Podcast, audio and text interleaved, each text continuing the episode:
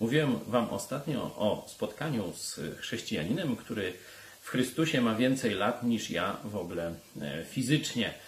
E, pamięta, można powiedzieć, działalność kościołów protestanckich na przestrzeni ostatnich 50 lat i mówi, że e, kilkadziesiąt lat temu czymś oczywistym dla każdego polskiego biblijnego chrześcijanina protestanta było pokazywanie różnic pomiędzy katolicyzmem a Biblią.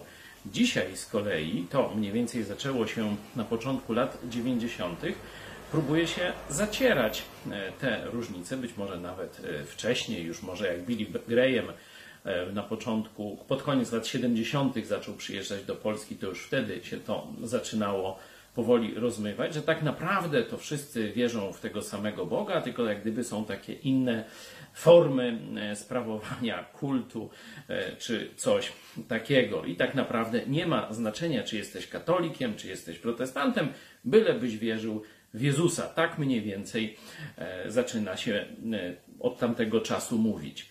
Ta druga koncepcja oczywiście jest łatwiejsza w nawiązywaniu relacji, łatwiej powiedzieć coś o Biblii, ale na dłuższą metę sprawia, że katolik pozostaje katolikiem i wcale nie zwraca się do Jezusa e, po zbawienie, bo myśli, że to praktycznie wszystko jedno. On, słuchając Kościoła katolickiego, e, jest też na dobrej drodze. Ta druga, stara taktyka, czyli pokazywania różnic, tu mam e, taką książeczkę sprzed właśnie kilkudziesięciu lat, msza, spowiedź, komunia w świetle Pisma Świętego. To dowód, jak wtedy polscy protestanci mówili prawdę o tym, co, w co wierzą ich rodacy katolicy. Ta druga e, strategia, można powiedzieć, czy podejście, ono rodzi na początku opór, ono zmniejsza liczbę słuchaczy, ale w dłuższym roz, rozciąg- znaczy w efekcie daje jednak dla wielu zwrócenie się prawdziwie do Jezusa Chrystusa i zbawienie.